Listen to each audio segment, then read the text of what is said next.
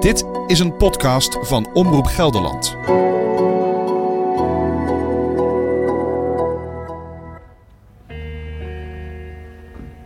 Wist je ervan? Nee. Nee, helemaal niet. Het is de eerste keer dat ik het hoor. Oké.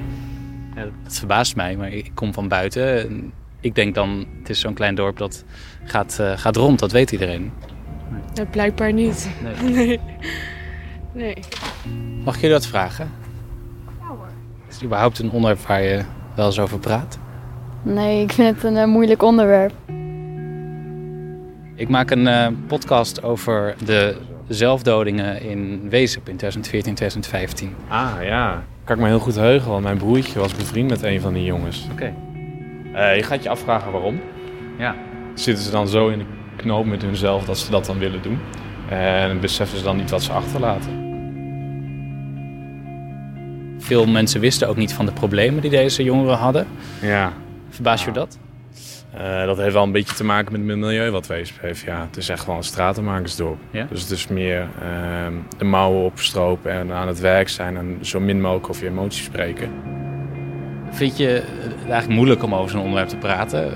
Nee. Nee? Nee. Wat, wat zeg je dan op zo'n moment als iemand aangeeft van ik, ik wil dat misschien gaan doen? Ja, gewoon zeggen dat ze dat niet moeten doen en zo. Het is zo makkelijk om het, heel, heel moeilijk om het nu uit te leggen, zeg maar. Probeer dan ook in gesprek te gaan over wat erachter zit, waarom iemand dat wil? Ja, dat is logisch. Gewoon vragen van waarom ze dat doen en zo. Waarom ze dat willen doen. Want er, is vast wel een reden dan. Maar ik hoor ook van heel veel mensen dat Wezen nog niet echt zo'n cultuur heeft van praten over gevoelens. Nee, dat- nee dat, dat, dat, dat sowieso niet. Maar af en toe gewoon, af en toe kan wel. Ja, ja.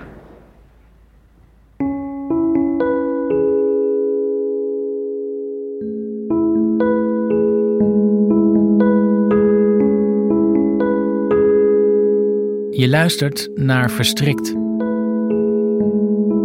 Een podcastserie van Omroep Gelderland, gemaakt door mij, Maarten Dallinga.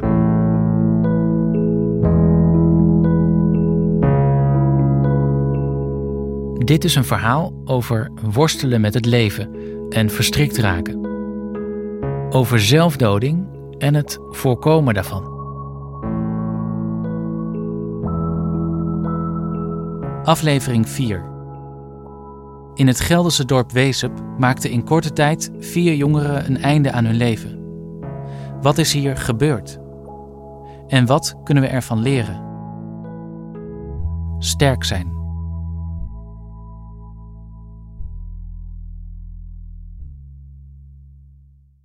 Berend belde mij op een gegeven moment van, hey, ik eh, krijg geen contact. Hoe zit dat? Wat moeten we doen? En toen hebben ze aan, nou, even wat voor stappen kun zetten. Ehm, ja, en vervolgens eh, kri- krijg je dan eh, uiteindelijk een boodschap van, eh, hij is overleden. Ja, dan zoek je elkaar op. En dan is het vooral stil. Ik kreeg op volgens mij zaterdagavond kreeg een telefoontje van de straathoekwerker, Lambert Jongetjes. En die vertelde mij dat een jongere uit eh Wezen zich van het leven beroofd had. Toen een tweede en een derde en een vierde. Wat deed dat met jou? Eh,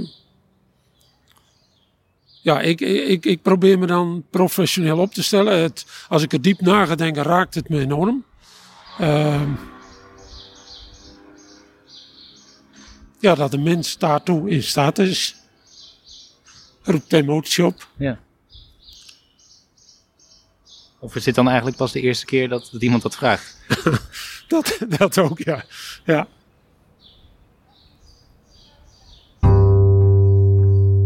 Zo'n 10 kilometer onder Zwolle, aan de rand van de Veluwe.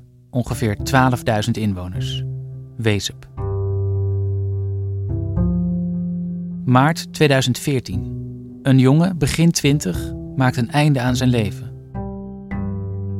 Binnen ruim een jaar volgen een meisje en nog twee jongens. De jongste is 15, de oudste begin 20. Vier zelfdodingen van jonge mensen in een klein dorp. Binnen ruim één jaar. Niet uniek, wel heel ongewoon.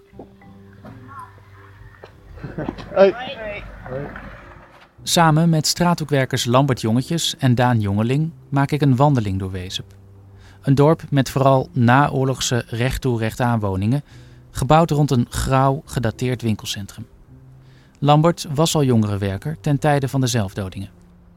Dat heeft best wel nou ja, heel veel impact gehad uh, bij ons, zeg maar. Maar, maar ook natuurlijk in die, in die groep, eh, bij de jongeren. Na de eerste zelfdoding organiseert het jongerenwerk een bijeenkomst voor de Wezepse jeugd. Nou, dat, dat heeft ook wel indruk gemaakt. En waren hè, jongeren die daar uh, bij elkaar komen om, om te rouwen eigenlijk. Maar tegelijkertijd ook gezien hoe, hoe moeilijk het is voor hun om daarover te praten. En dat is wel een beetje wat hier gebeurt. En uh, ik heb later ook nog wel aan een jongen gevraagd van... Hoe is dat dan nu? Hè? Hoe, hoe, hoe, hoe gaat dat dan? En dan krijg je een beetje hetzelfde. Ja, we zoeken elkaar af en toe wel op. En dan drinken we een biertje met elkaar. Maar ook wel een soort gelatenheid. Hm. Ook wel van... Uh, ja, gebeurt. En uh, wat helpt dat dan als je het erover gaat hebben? Ook wel jongens die dat gewoon zo uh, keihard zeggen roepen, zeg maar. Wat heb je eraan? Kort door de bocht is dat de Wezepse cultuur. Of nog beknopter, niet lullen, maar poetsen. Of in veel gevallen straten maken. Want Wezep is van oudsher een stratenmakersdorp. Waar je ook in Nederland komt. Je komt in elke wijk in de grote steden kom je Wezepers tegen. Die zijn daar aan het straten. Lambert zit inmiddels vooral op kantoor als eigenaar van zijn bureau voor straathoekwerk. Daan is veel op straat te vinden, maar ook op scholen en bij verenigingen. Hij praat met jongeren en probeert hen te helpen. Dus dat zijn uh, ja, jongens die uh, vooral hard kunnen werken, heel hard kunnen werken. Uh, niet zeuren. Daarentegen ook niet, ook niet per se praten, maar vooral hard werken. Het kan best wel eenzaam zijn. In de zin dat als niemand weet hoe het echt met je gaat, uh, met wie verbind je je dan? En wie heb je dan? Ook met Teun van Noorloos, al 13 jaar ambtenaar bij de gemeente Oldenbroek, waar Wezenp onder valt, maak ik een wandeling.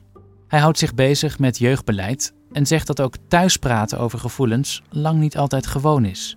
De opvoedcultuur is soms hard. Dus dat wil zeggen, nou, dit zijn onze regels, zo doen we dat hier. Uh, vaak uh, ook vanuit het verleden nog wel ingegeven vanuit uh, de kerk. Eigenlijk alleen maar op de macht en niet op de groei van het kind gericht. Autoritair. Ja, ja rondom autoritair en dan vooral patriarchaal. Dus alleen de vader heeft het voor het zeggen. -hmm. Blijft het alleen, alleen, bij woorden? Wat ik hoor zeggen, dat het niet altijd alleen bij woorden blijft, maar dat er ook wel eens nou, niet opvoedende klap uitgedeeld wordt. zo doe je het. Wat je ook wel ziet, uh, toch wel aardig wat gebroken gezinnen, waarbij vooral vaders uit beeld zijn geraakt. Uh, dat uh, jongeren bij hun moeder wonen. Of vader woont er nog wel, maar heeft uh, zijn eigen problemen op het gebied van alcohol, drugs, moeite om zichzelf ja, vorm en inhoud te geven. Dus je, je, je ziet die groep, ja, daar is het gewoon wel heel lastig voor. En op een gegeven moment gaan die jongelui dus eigenlijk hun moeder ook niet meer serieus nemen. Op een gegeven moment zijn ze gewoon machteloos en dan uh, kunnen ze eigenlijk ook, denk ik, niks meer. Door de relatie uh, die ze met hun kind hebben, die dat al niet meer zo goed naar hen luistert. En die hun eigen wereld op straat uh, ingetrokken zijn. Mm -hmm. Moeder is eigenlijk dan wanhopig. de jongere is wanhopig. En ja, wat dan? Vader uit beeld dan wordt het wel heel erg lastig.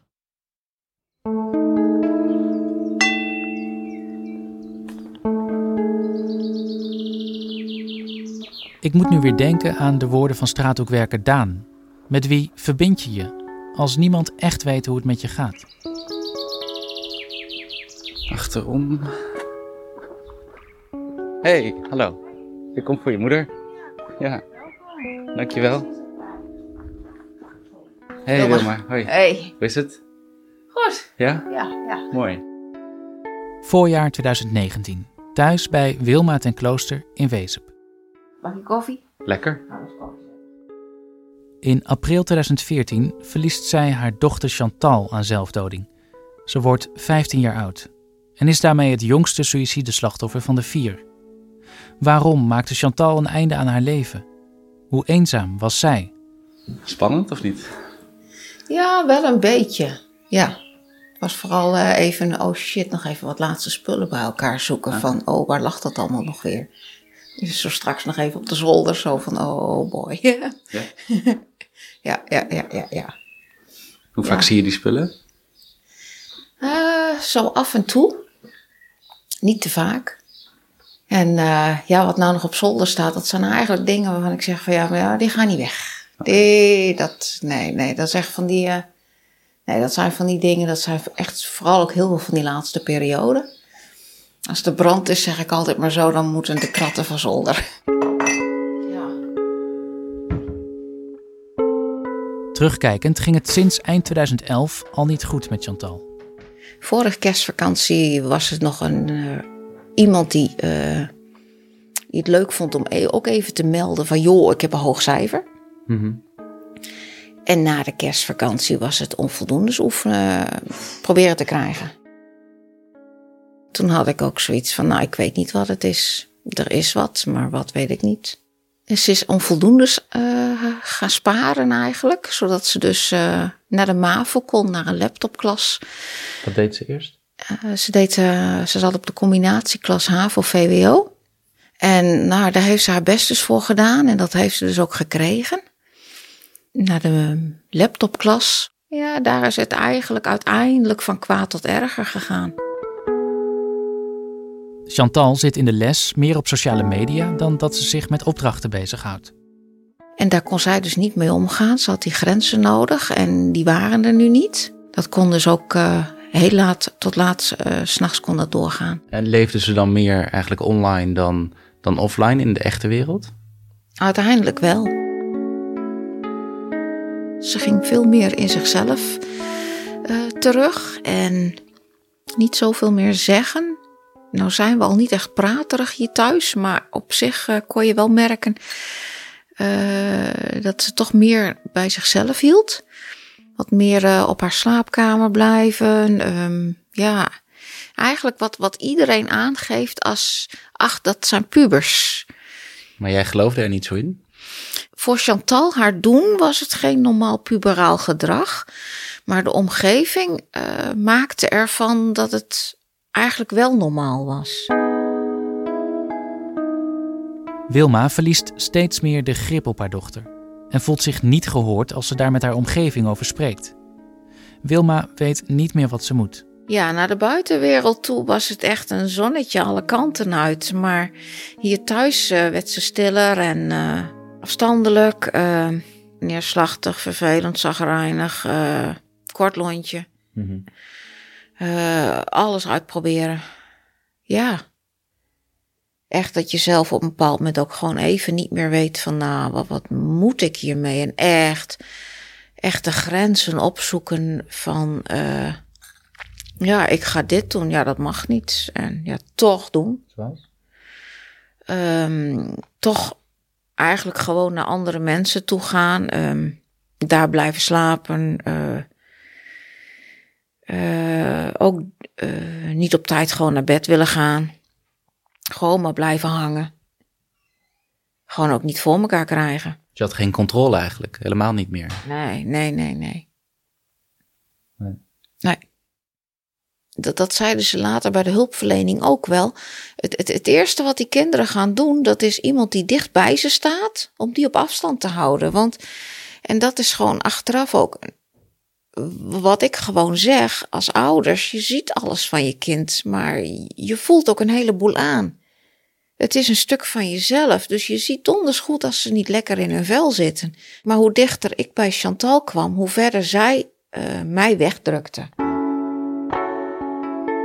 En dat doet ze ook bij anderen, waardoor Chantal alleen maar oppervlakkige contacten overhoudt. Zodra iemand anders dus ook weer dichtbij kwam, dan was die vriendschap weer over en ging ze dus weer naar een ander toe. Denk je dat eh, de aanwezigheid van Chantal op zijn sociale media een rol heeft gespeeld bij haar zelfdoding? Ik denk dat het. Ja, ja, ja, ik ja, denk het wel. Heb je na haar dood dan ook onderzoek gedaan naar wat ze allemaal deed op social media, zoals Facebook? Ben je gaan eh, rondsnuffelen in haar account? Heb je bekeken met wie ze contact had, bijvoorbeeld? Ja, ik heb het in die zin in, eh, vooral de eerste tijd in de gaten gehouden van wie er toch nog blijven reageren op haar. Dat heb ik gedaan en ik heb tot een, tot een heel stuk terug heb ik toch eens dingen door zitten lezen. maar wat mijn nadeel is, dat is dat ik dus eh, Facebook zelf niet helemaal begrijp. Dus zij heeft ook wel beste scheldpartijen daar staan. En die kon ik op een bepaald moment niet terugvinden. Dus en waarom dat dan niet is, weet ik niet. Of dat dat in Facebook zelf ook nog ergens zit. In een direct contact met iemand. Of, maar als je echt zegt van, nou, Facebook, eh, nou, dit is het. Ja, nee, die privégesprekken en wat allemaal mogelijk is. Nee, dat weet ik allemaal niet. Nee, nee. Dus het zou best kunnen dat ze eh privé-conversaties heeft eh, gevoerd met, met anderen Ja. waar je helemaal geen weet van hebt. Ja. Die kans is groot, ja. Ben je dan niet ontzettend ja, nieuwsgierig naar wat daar misschien in staat? Ja, dat wel. Maar dan, dan, dan moet ik Suzanne vragen hoe dat in zijn werk gaat. Want dat weet ik dus niet. Nee.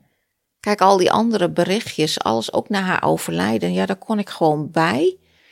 Maar als er ook privé dingen zijn, dat dat allemaal weer via een ander ding gaat. En dat het niet via een melding gaat of wat dan ook. Dat, dat weet ik allemaal niet. Nee. Die weet ik niet. Ik wil je wel helpen, maar ja, het is misschien ook een beetje gek. Zal ik Suzanne eens vragen? Dat is goed.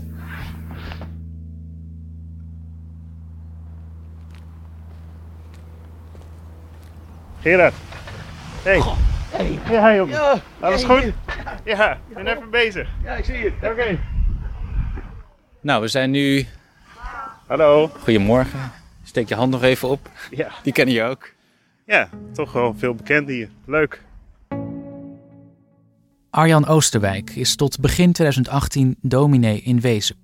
Acht jaar lang is hij verbonden aan de Pauluskerk, een hervormde gemeente. We zijn nu in het winkelcentrum, hè? Bijna. Ja, we lopen nu richting het centrum. De laatste tijd best wel wat vernieuwing geweest door de winkeliers. Maar het ziet er nog uit alsof het eh, bijna instort. Fijn dat u bij ons komt winkelen. Staat hier Wezep, ons winkelcentrum. Een plek zoals heel Wezep eigenlijk zonder samenhang. Dus ooit zullen er wat winkels hier her en der ontstaan zijn. Ehm, ik zie dat nu ook de Intertoys is natuurlijk failliet, dus ook leeg. En ja, dat is dan een winkelcentrum geworden, maar zonder een hart. Dus het is een winkelcentrum rondom een, een parkeerplaats. Daar zijn de winkeltjes. Het is deels overkapt. Het is heel erg jaren, ja, wat is het, jaren 70, 80. Het is, het is niet van nu, in ieder geval. Nee, nee je ziet dat die ontwikkeling eh, eh, een beetje heeft stilgestaan. Het straatwerk is natuurlijk wel tip-top, hè? Dat moet je wel... Nee, maar dat hebben ze dus pas aangepakt. Dat ziet er heel mooi uit. En, Dat kunnen ze hier. Ja, ja dat is eh, hun eh, vak. Arjan kijkt naar Wezep als Wezeper van buiten. Hij was eerder dominee in Friesland en is dat nu in het Overijsselse Reizen. Lopen we hier even binnendoor naar de, de muziekkoepel.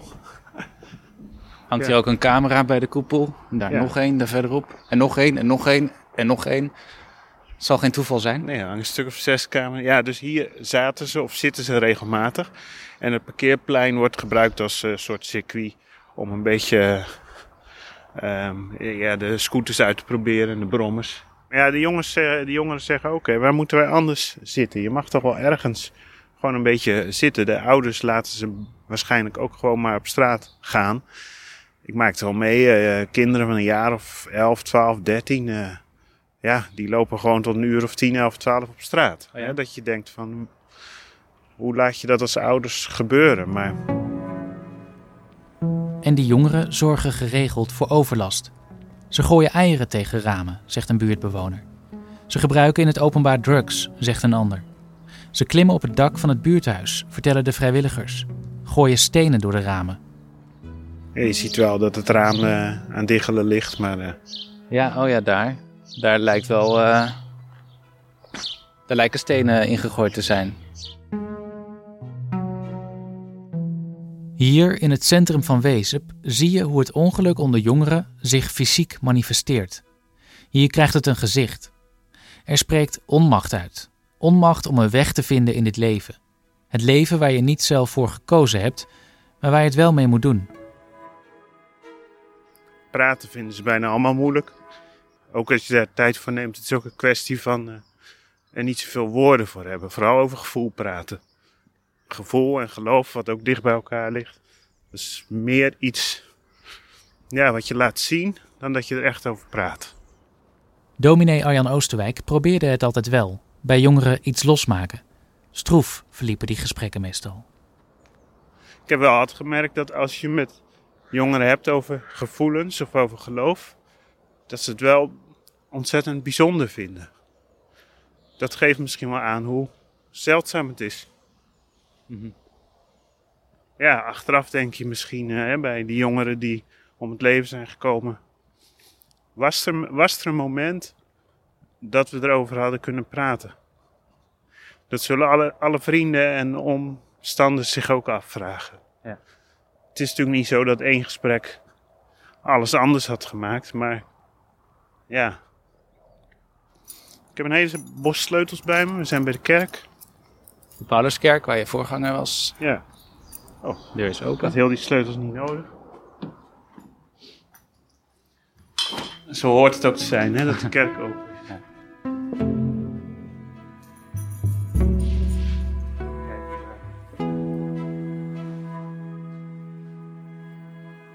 De Zuiderzeestraatweg is ooit aangelegd. Een weg van Amersfoort naar Zwolle. Nou, in Hattemerbroek waren ze klaar. Daar eindigde die. Was de rivier de IJssel. En toen is men daar blijven plakken. En nog steeds wonen er dus veel stratenmakers in Wezep en omgeving. Het gemiddelde opleidingsniveau is er dan ook laag, zegt Teun van Noorloos van de gemeente. Verder is dit ook nog taalgebied, ook een wat achterstandsgebied, eh, veel lage lettertijd. En nou, dan kun je het ook moeilijker uh, handen en voeten geven. Mhm. En, en nou ja, daar, daar zit denk ik ook wel een stuk uh, onvermogen inderdaad. Maar toch, Wezep is zo'n klein dorp. Valt het dan niet snel op als het slecht met je gaat? En helpen mensen elkaar dan niet? Er is een zwijgcultuur. Ja? Uh, we gaan het er niet over hebben. We zwijgen, je bent stil. Over problemen wordt gezwegen. Over problemen wordt gezwegen. En Als je dan niet ziet, dan doe je alsof je het niet gezien dan hebt. Heb, ja, dan doe je alsof je het niet gezien hebt. Dan ga je niet eens een praatje maken met die jongeren of met zijn ouders van goh, ik maak me ongerust. Past ook wel in individualisme van heel Nederland. Dus, maar hier, nee, maar, uh, hier is nee. wat extremer misschien. Uh, het er niet over hebben is uh, veel extremer. Pas openen wanneer ik dood ben. Voel je niet schuldig, het ligt niet aan jullie. Zoals jullie waarschijnlijk niet weten, ben ik erg veel gepest. Ik had weinig zelfvertrouwen en ging mezelf pijn doen. Ik werd voor alles uitgemaakt dat ik dik was en lelijk. Mensen hebben zoveel nare dingen gezegd, waardoor ik me zo slecht voelde dat ik er gewoon klaar mee was.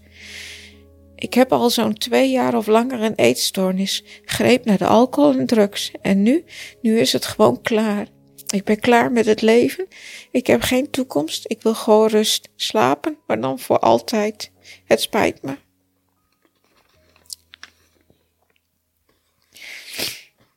Het is beter zo. Lieve groetjes, Chantal.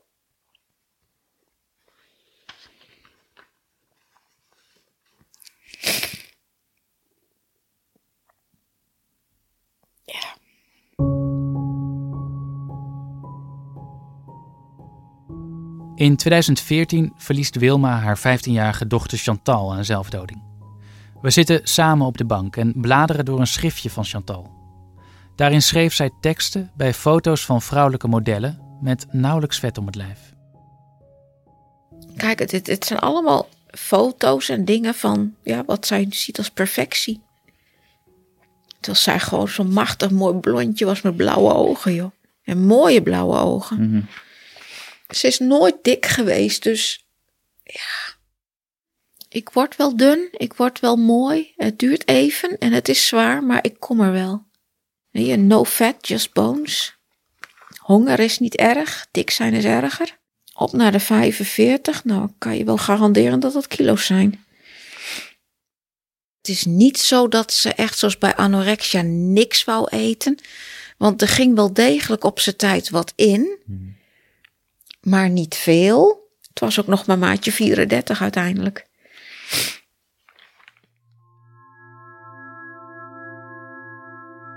Wanneer begon dat pesten? Dat durf ik dus niet te zeggen. Nee. En dat pesten ging dat door tot kort voor haar dood? Dat durf ik dus ook niet te zeggen. Nee. Zoals in meer Wezepse gezinnen staat Wilma er in de opvoeding van Chantal grotendeels alleen voor, zegt ze.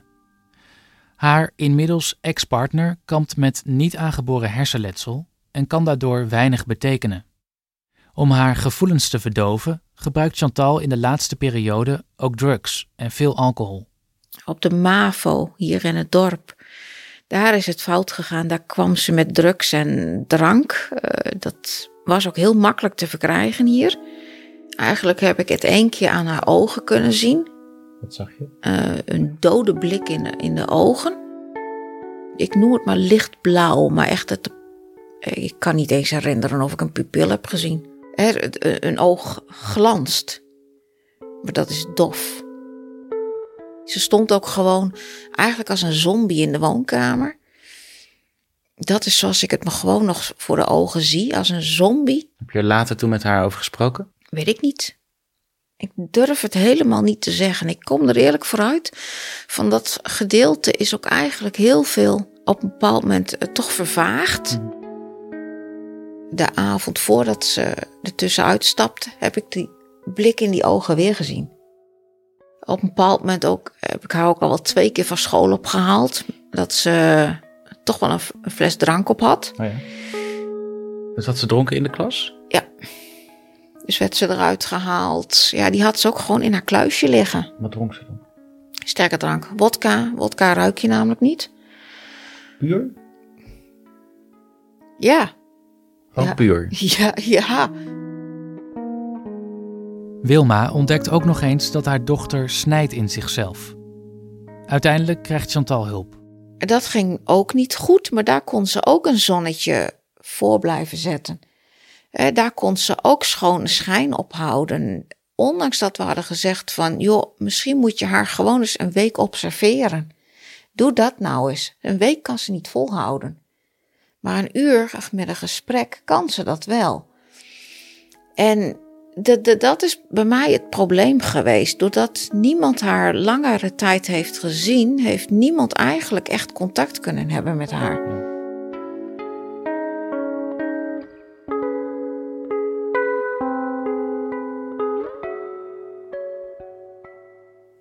Je kan nog zo beroerd in je vel zitten.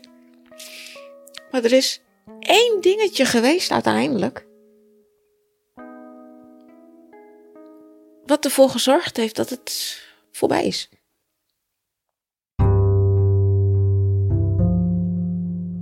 In de media werd steeds gesproken van vijf Wezepse zelfdodingen. Maar na navraag bij gemeente en straathoekwerk blijkt dat niet te kloppen. Het waren er vier. En van die vier was Chantal de tweede. Of de zelfdodingen met elkaar te maken hadden, of sprake was van kopieergedrag, moeilijk met zekerheid te zeggen, maar goed mogelijk, zegt de GGD Noord- en Oost-Gelderland als ik ernaar vraag. De GGD deed na de zelfdodingen onderzoek. In ieder geval een aantal van de jongeren kenden elkaar. Straathoekwerker Lambert Jongetjes kende er twee. Vanuit je werk weet je dat, dat er uh, soms wat zorg is rond, uh, rond uh, jongens. Of dat jongens iets, iets met hulpverlening hebben of gewoon niet lekker in hun vel zitten. Dat is wat je weet. Hè? Maar dat is niet direct een link naar een suïcide. Nee, ik denk niet dat wij ehm, echt, echt hele serieuze signalen gezien hebben. De jongeren die Lambert kende hadden volgens hem allerlei problemen. Denk aan problemen thuis en overmatig alcohol- en drugsgebruik. Maar dat was dus niet uniek in Wezep.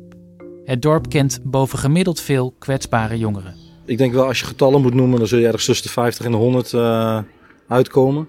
En dan praat je over jongeren die, um, die moeite hebben om aan te haken bij de maatschappij. Die, die moeite hebben om aan banen te komen. Die moeite hebben om die banen vast te houden.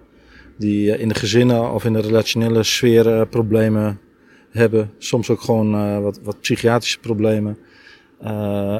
soms in combinatie met, met alcohol of drugsgebruik. waar je het straks over had, als ik dan naar Wezen kijk, dan zijn die aantallen wat groter dan in de omliggende dorpen. We werken ook in andere dorpen en dan, dan zie je gewoon dat die, die groepen zijn gewoon kleiner. En um, dat, dat, is, dat is voor de organisaties en voor de hulpverlening en voor welzijn is dat makkelijker te behappen. Omdat je eigenlijk exact weet, we hebben het over die 20. En hier zijn dat gewoon meer. En dat, dat, die massa maakt het ook gewoon wat, wat, wat uh, taaier in de, in de aanpak.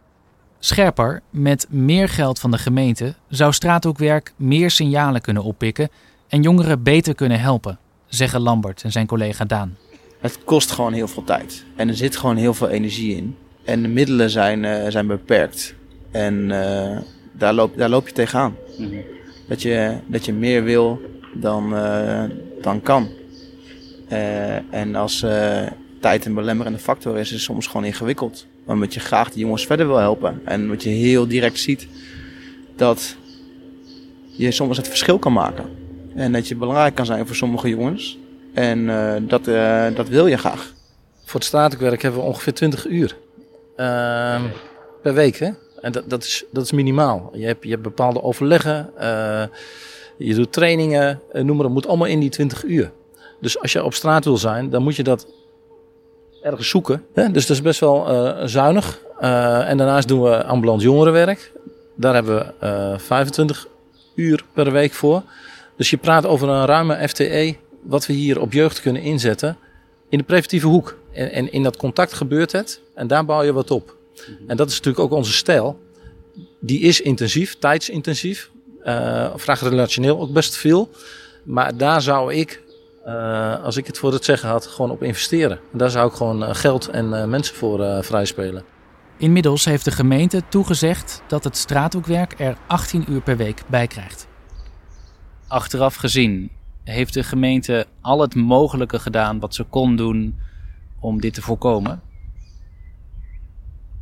Ja, ik, ik vind van wel. En niet om onze handen schoon te wassen. Maar ik denk dat. Uh, ja. Ja. Nee, misschien dat we dan toch nog meer mensen uh, op straat moeten hebben. In contact ook met de ouders. Uh, nou, wellicht dat daar dan toch nog wel een ja, als je terugkijkt, een verwijt kan liggen. Van nou, daar hadden we misschien dan toch nog wel meer op in moeten zetten. Ik heb deze aflevering ook laten horen aan ChristenUnie-wethouder Lisbeth Vos van de gemeente Oldenbroek.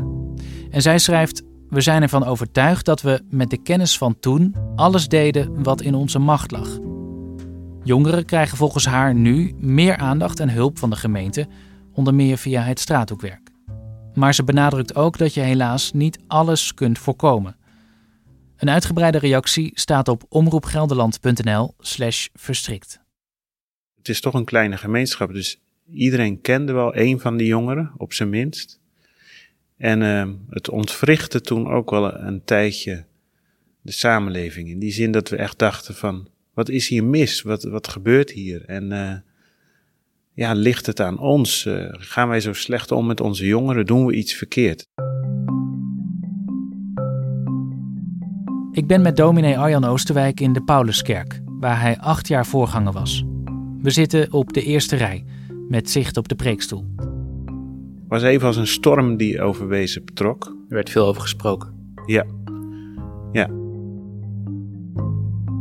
Er zijn bepaalde groepen jongeren en er zijn bepaalde jongeren die een totaal gevoel van zinloosheid ervaren. En dat, dat is volgens mij de onderliggende stroming.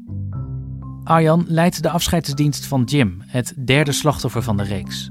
Hij overlijdt in december 2014 op 18-jarige leeftijd.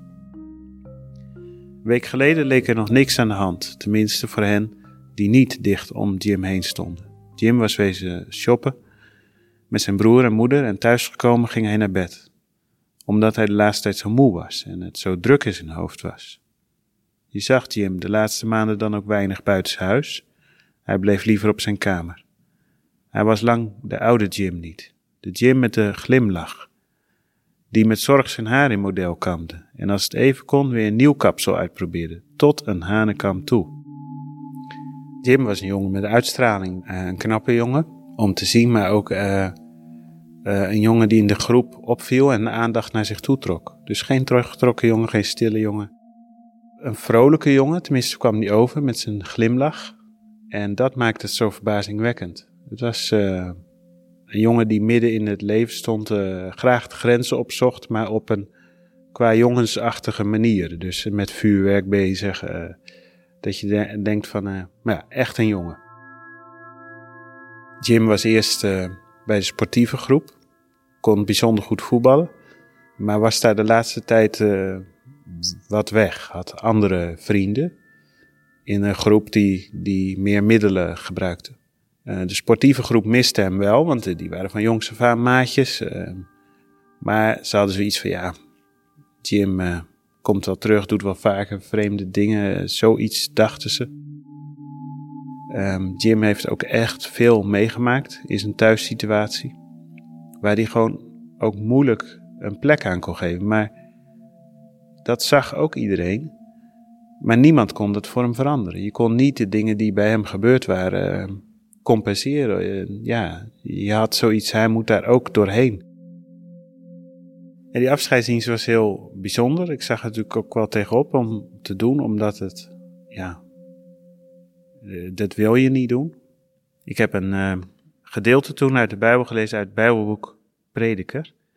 Prediker is uh, het boek over de, de zin of de zinloosheid van het leven. Ja, sommigen zouden het depressief boek noemen, maar het is soms heel realistisch. Ik lees een paar woorden die waarschijnlijk door Salomo opgeschreven zijn. Hij zei ook over andere zaken dacht ik na. Ik zag dat er veel geweld is in de wereld. Ik zag de tranen van de mensen die onderdrukt worden. Niemand troost hen. De onderdrukkers gebruiken geweld en niemand troost de mensen die onderdrukt worden. Je kunt maar beter dood zijn, dacht ik. Mensen die dood zijn, zijn gelukkiger dan mensen die nog leven. Maar nog gelukkiger is iemand die nog niet geboren is, want die weet nog niets van al het kwaad in de wereld in onze tijd is zo'n boek als Prediker echt heel tegendraads. Uh, ik denk dat het ook wel eerlijk is naar elkaar toe. Dat je ehm, af en toe even echt helemaal er doorheen kan zitten. En dat dan niet iemand gelijk zegt van joh, dat mag je niet denken en uh, morgen is het weer beter. En ja, dat, uh, soms is dat niet zo. Arjan, 40 jaar en vader van twee kinderen, weet waar hij het over heeft. Um, zelf heb ik een aantal depressies gehad. En dan is soms de gedachte aan de dood uh, rustgevend. Dus dat je denkt, ja, maar dan um, stopt ook het piekeren en dan stopt ook de angst. En dan uh, ja, er niet meer zijn, dat voelt dan soms als een enorme opluchting. Mij helpt het dan dat, dat zoiets ook in de Bijbel staat. Um, mij helpt het ook dat andere mensen daar uh, niet paniekerig op reageren. Niet zeggen van, joh, neem jij eens even snel een pil of, of ga eens in een isoleercel zitten. Nee, uh, ook de gedachte aan de dood hoort soms bij het leven. Maar dan is natuurlijk de vervolgvraag van, hoe ga je daarmee om en hoe ga je daarmee verder? Dan ehm, is niet de gedachte die mij op de been houdt van jongens, eh, maar volgend jaar gaat het weer goed. Want volgend jaar is echt verrekt ver weg, zelfs volgende week als je heel naar voelt. Maar wat mij op de been houdt is van, uh, um, wat doe je daarmee anderen aan? Soms, in zo'n situatie zou ik wel uh, geruisloos en geluidloos willen verdwijnen. Uh, maar dat is geen optie dus dat ook niemand je zou missen. Je laat altijd, in mijn geval, kinderen na, vrouwen, familie. Dus uiteindelijk houdt de verantwoordelijkheid houdt je bij het leven. Ja. Eigenlijk wel eens bang dat het gevoel van depressie weer terugkomt. Ja, uh, daar zijn de cijfers gewoon hard in. Dus dat is als je het twee, drie keer gaat hebt, is de kans 80, 90 procent dat het weer terugkomt. Dus dat. Uh, Vertrouw je dan op jezelf? Nee, maar wel op mijn omgeving. En ja, ik geloof in God die niet loslaat, maar um, depressie dooft ook je gevoel. Dus in die zin, je geloof wordt dan ook rationeler. Dus in maar ja, ik weet wel dat hij, uh, hè, God dan, dat hij uh, dat hij, dat hij mij vasthoudt, dat hij zegt van volhouden. De Bijbel staat ook altijd vol met woestijnverhalen. Jezus die in de woestijn zat, Jezus die, die bloed zweette. Dus dat is dan heel realistisch. Ehm, Daar moet je dan doorheen. Ja, ja. Heb je dat ook wel eens heel erg doen twijfelen aan het geloof? Was het zo dat je Gods nabijheid op een gegeven moment ook dan niet meer voelde? Ik twijfel eerder aan het leven en aan mijn eigen leven dan aan, uh, aan God. Als het mijn tijd is, dan, uh, dan ga ik. Ik laat dat aan God over.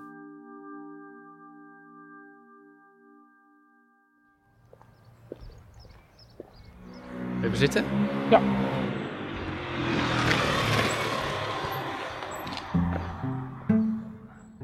Na de zelfdodingen in Wezep kwam er van alles op gang. Ter nagedachtenis aan de slachtoffers werd een fakkeltocht gehouden. Er was een grote bijeenkomst bij voetbalclub WHC en op scholen werd met voorlichting gestart. Er is toen wel een stuk openheid ontstaan. Maar is die openheid er nu nog steeds? Teun van Noorloos, ambtenaar van de gemeente, twijfelt. Ik durf het niet te zeggen, ik weet het niet. Ik heb het antwoord niet. Nee, nee. We proberen wel echt via de scholen, uh, echt, uh, ook er staat hier een VO-school.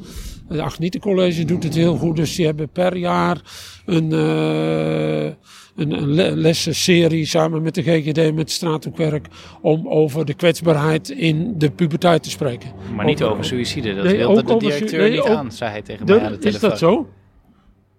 Oh, dat is wel heel jammer, want dat is in uh, 2015, 16 is dat wel gebeurd. Klopt. Ja, dit nee, wist je niet. Dat wist ik niet. Nee, dat is heel jammer. Ik ga, Dus Art nog, eens, ga Art nog eens even bellen. Hij, wil, hij durft het vast wel. Eh, ik weet niet meer precies of hij het zo zei hoor, maar daar kwam het op neer. Hij zei dat hij bang is dat, hij dan, dat leerlingen dan op ideeën worden gebracht. Ja, en dat is precies eh, de vraag niet stellen is honderd keer erger. Want als het in iemand zijn hoofd zit, dan kan hij het toch gaan doen. Dus breng het, maak het transparant, breng het in de openheid. En laat het niet eh, ja, bij iemand persoonlijk verpieteren. Later laat de school mij weten dat ze verstrikt wil gaan bespreken in de klas. Rond die eh, zelfdoding, eh, toen we in de WHC in de kantine zaten, was er een oudere meneer aan het eind. Die had heel de avond niks gezegd. En die zegt, eh, je, moet, je zou eens luciferdoosjes kunnen laten drukken met praten helpt. Gewoon eenvoudig praten helpt. Dat is hier wel nodig. Er waren daar heel veel autochtone wezepers. En die zeiden ook allemaal, ja, wij vinden het lastig om te praten. Sowieso, maar zeker als het over dingen gaat Ja. die je zelf raken en eh et cetera. De gemeente startte na de zelfdodingen ook een campagne. Luister jij wel? Op een website delen jongeren hun persoonlijke problemen en je krijgt er tips over empathische gespreksvoering. Of de campagne zin heeft gehad, is niet duidelijk.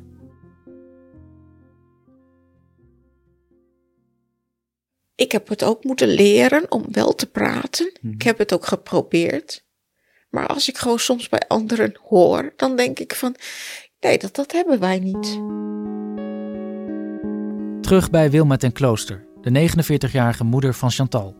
Ik denk dat ze ook niet voldoende steun en alles heeft gehad van huis uit. Heel veel is praktisch en rationeel. In de laatste periode van Chantals leven komt er wel hulp van een gezinstherapeut. Achteraf was die ondersteuning veel eerder welkom geweest. Ja, eigenlijk wel. Ik vind het zelf op zijn tijd wel vervelend om het te moeten zeggen, maar ons gezin was eh, eigenlijk niet gezond.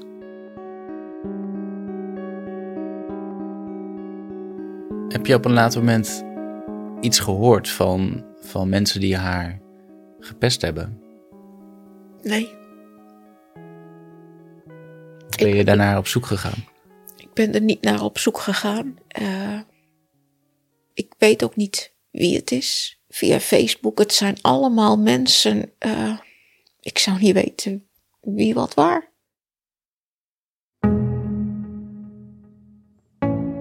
Wilma denkt dat Chantals contacten op sociale media mogelijk een rol hebben gespeeld bij haar zelfdoding.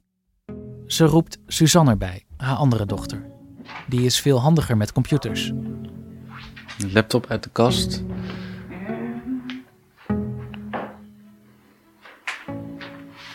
Dan moeten we even gluren.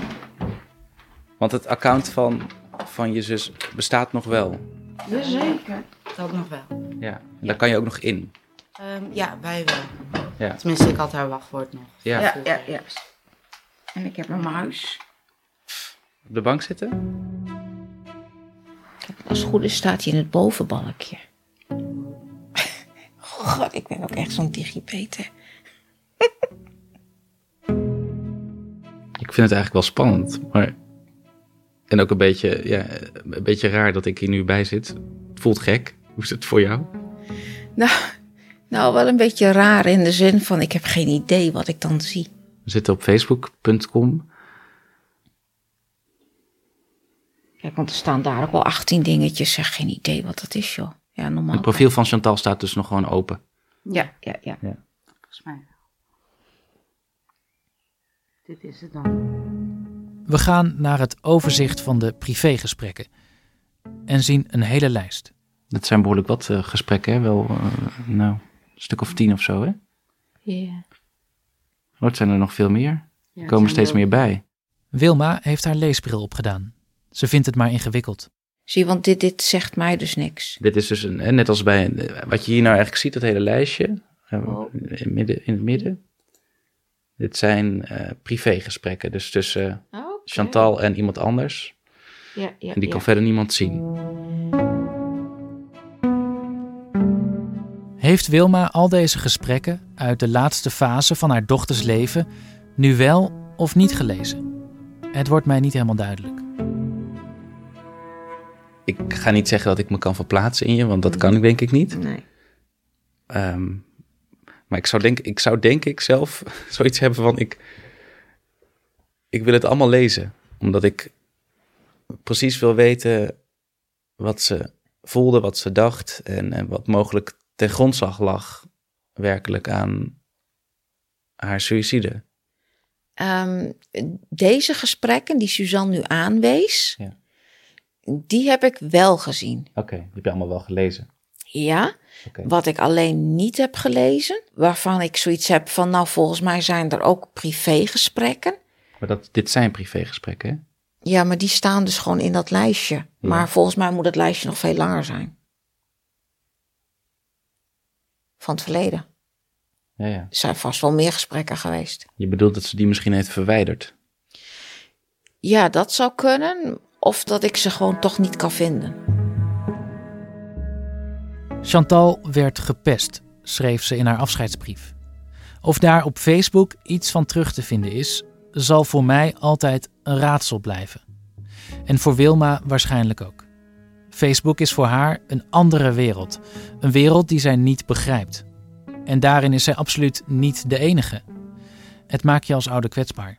Als eh, ouders niet dingen controleren of niet in de gaten hebben, ja, ja, dan mis je een heleboel.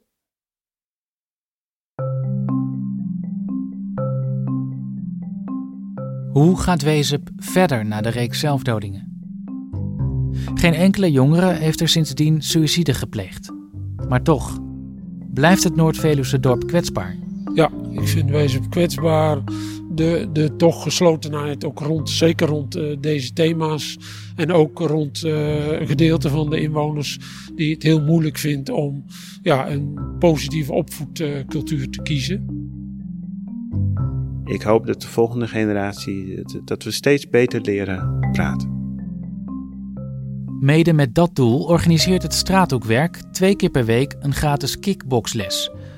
Als ik zelf een les bijwoon, vraag ik aan een jongen hoe het nu in Wezep gaat. Hij, terwijl hij me niet aankijkt, geen doden meer, gaat dan wel goed of niet? Einde gesprek. Ik schrik ervan, maar volgens straathoekwerker Daan is in Wezep wel degelijk een beetje meer openheid ontstaan. Er is absoluut iets veranderd. Omdat opeens heel zichtbaar werd dat sommige dingen niet gewoon overgaan, het niet alleen maar goed kan gaan. En dat als, er, als dingen zich op blijven stapelen of er komen geen oplossingen voor, dat het, dat het gewoon heel erg mis kan gaan. En dat, eh, dat is absoluut. eh, heeft heel veel, ogen, heel veel ogen geopend. Dus je vraagt makkelijker op het moment dat je twijfels hebt over eh, hoe jongeren in zijn vel zitten, welke problemen er spelen. Of je wel eens nadenkt over de dood. En zo, Dat ja. vraag je wel eens. ja, dat is een onderwerp van gesprek.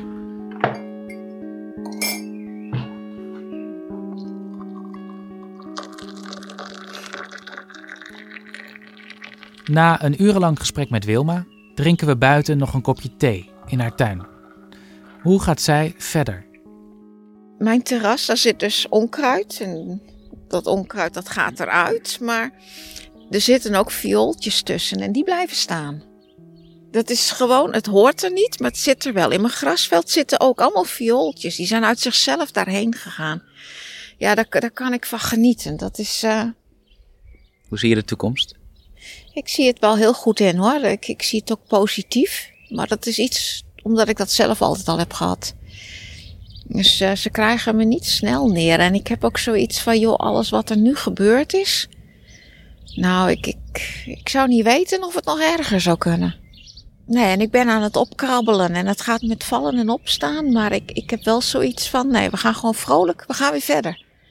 Ja, en het zal echt met, met ups en downs blijven gaan. Maar met een beetje geluk worden de, de dieptepunten wat minder diep iedere keer. Kijk, maar ze zullen niet weggaan. Daar ben ik wel heel reëel in. Maar dit, als die me er doorheen trekken, al die kleuren, van al dat groen wat ik om me heen heb. Als dat mij er maar doorheen trekt, dan vind ik het prima. Dan kom ik een heel eind. Ja. Dankjewel. Graag gedaan.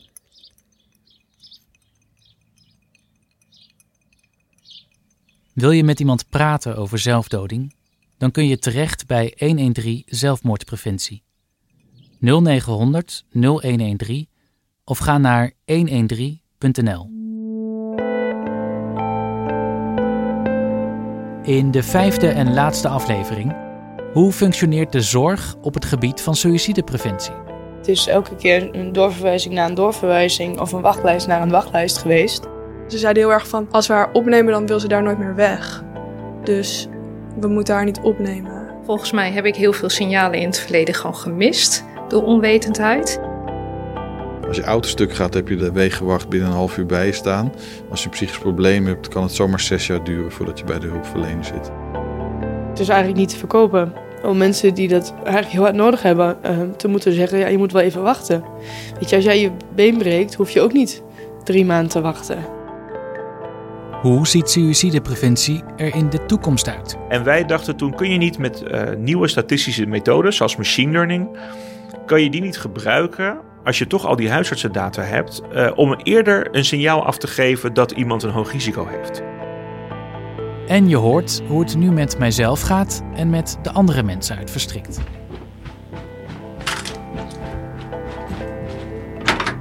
Ton, kom binnen. Leuk je te zien. Hoi. Hoi. Oeps, oh sorry. Hoi. Hoi. Leuk je te zien. Ja, zeker. Heel leuk.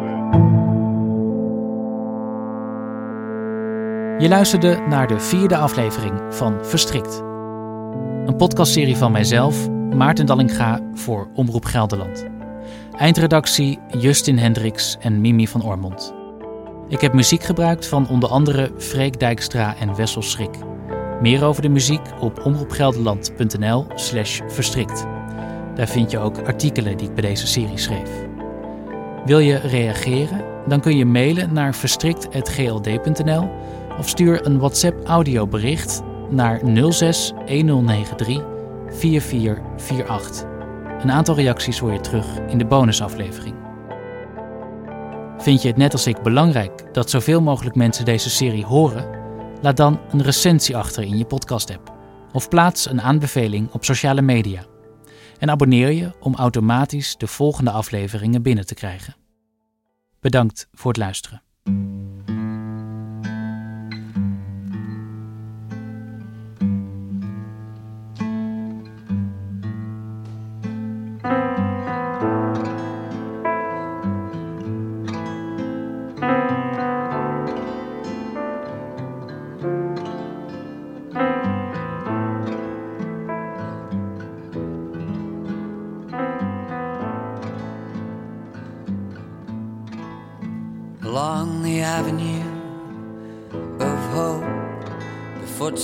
Footsteps falter, the fingers grope, and the days stretch out beneath the sun. No one's born, no one dies, no one loves, so no one cries. And we wait to see just what we will become. Don't let me falter, don't let me ride, don't let the earth in me subside. Let me see just who I will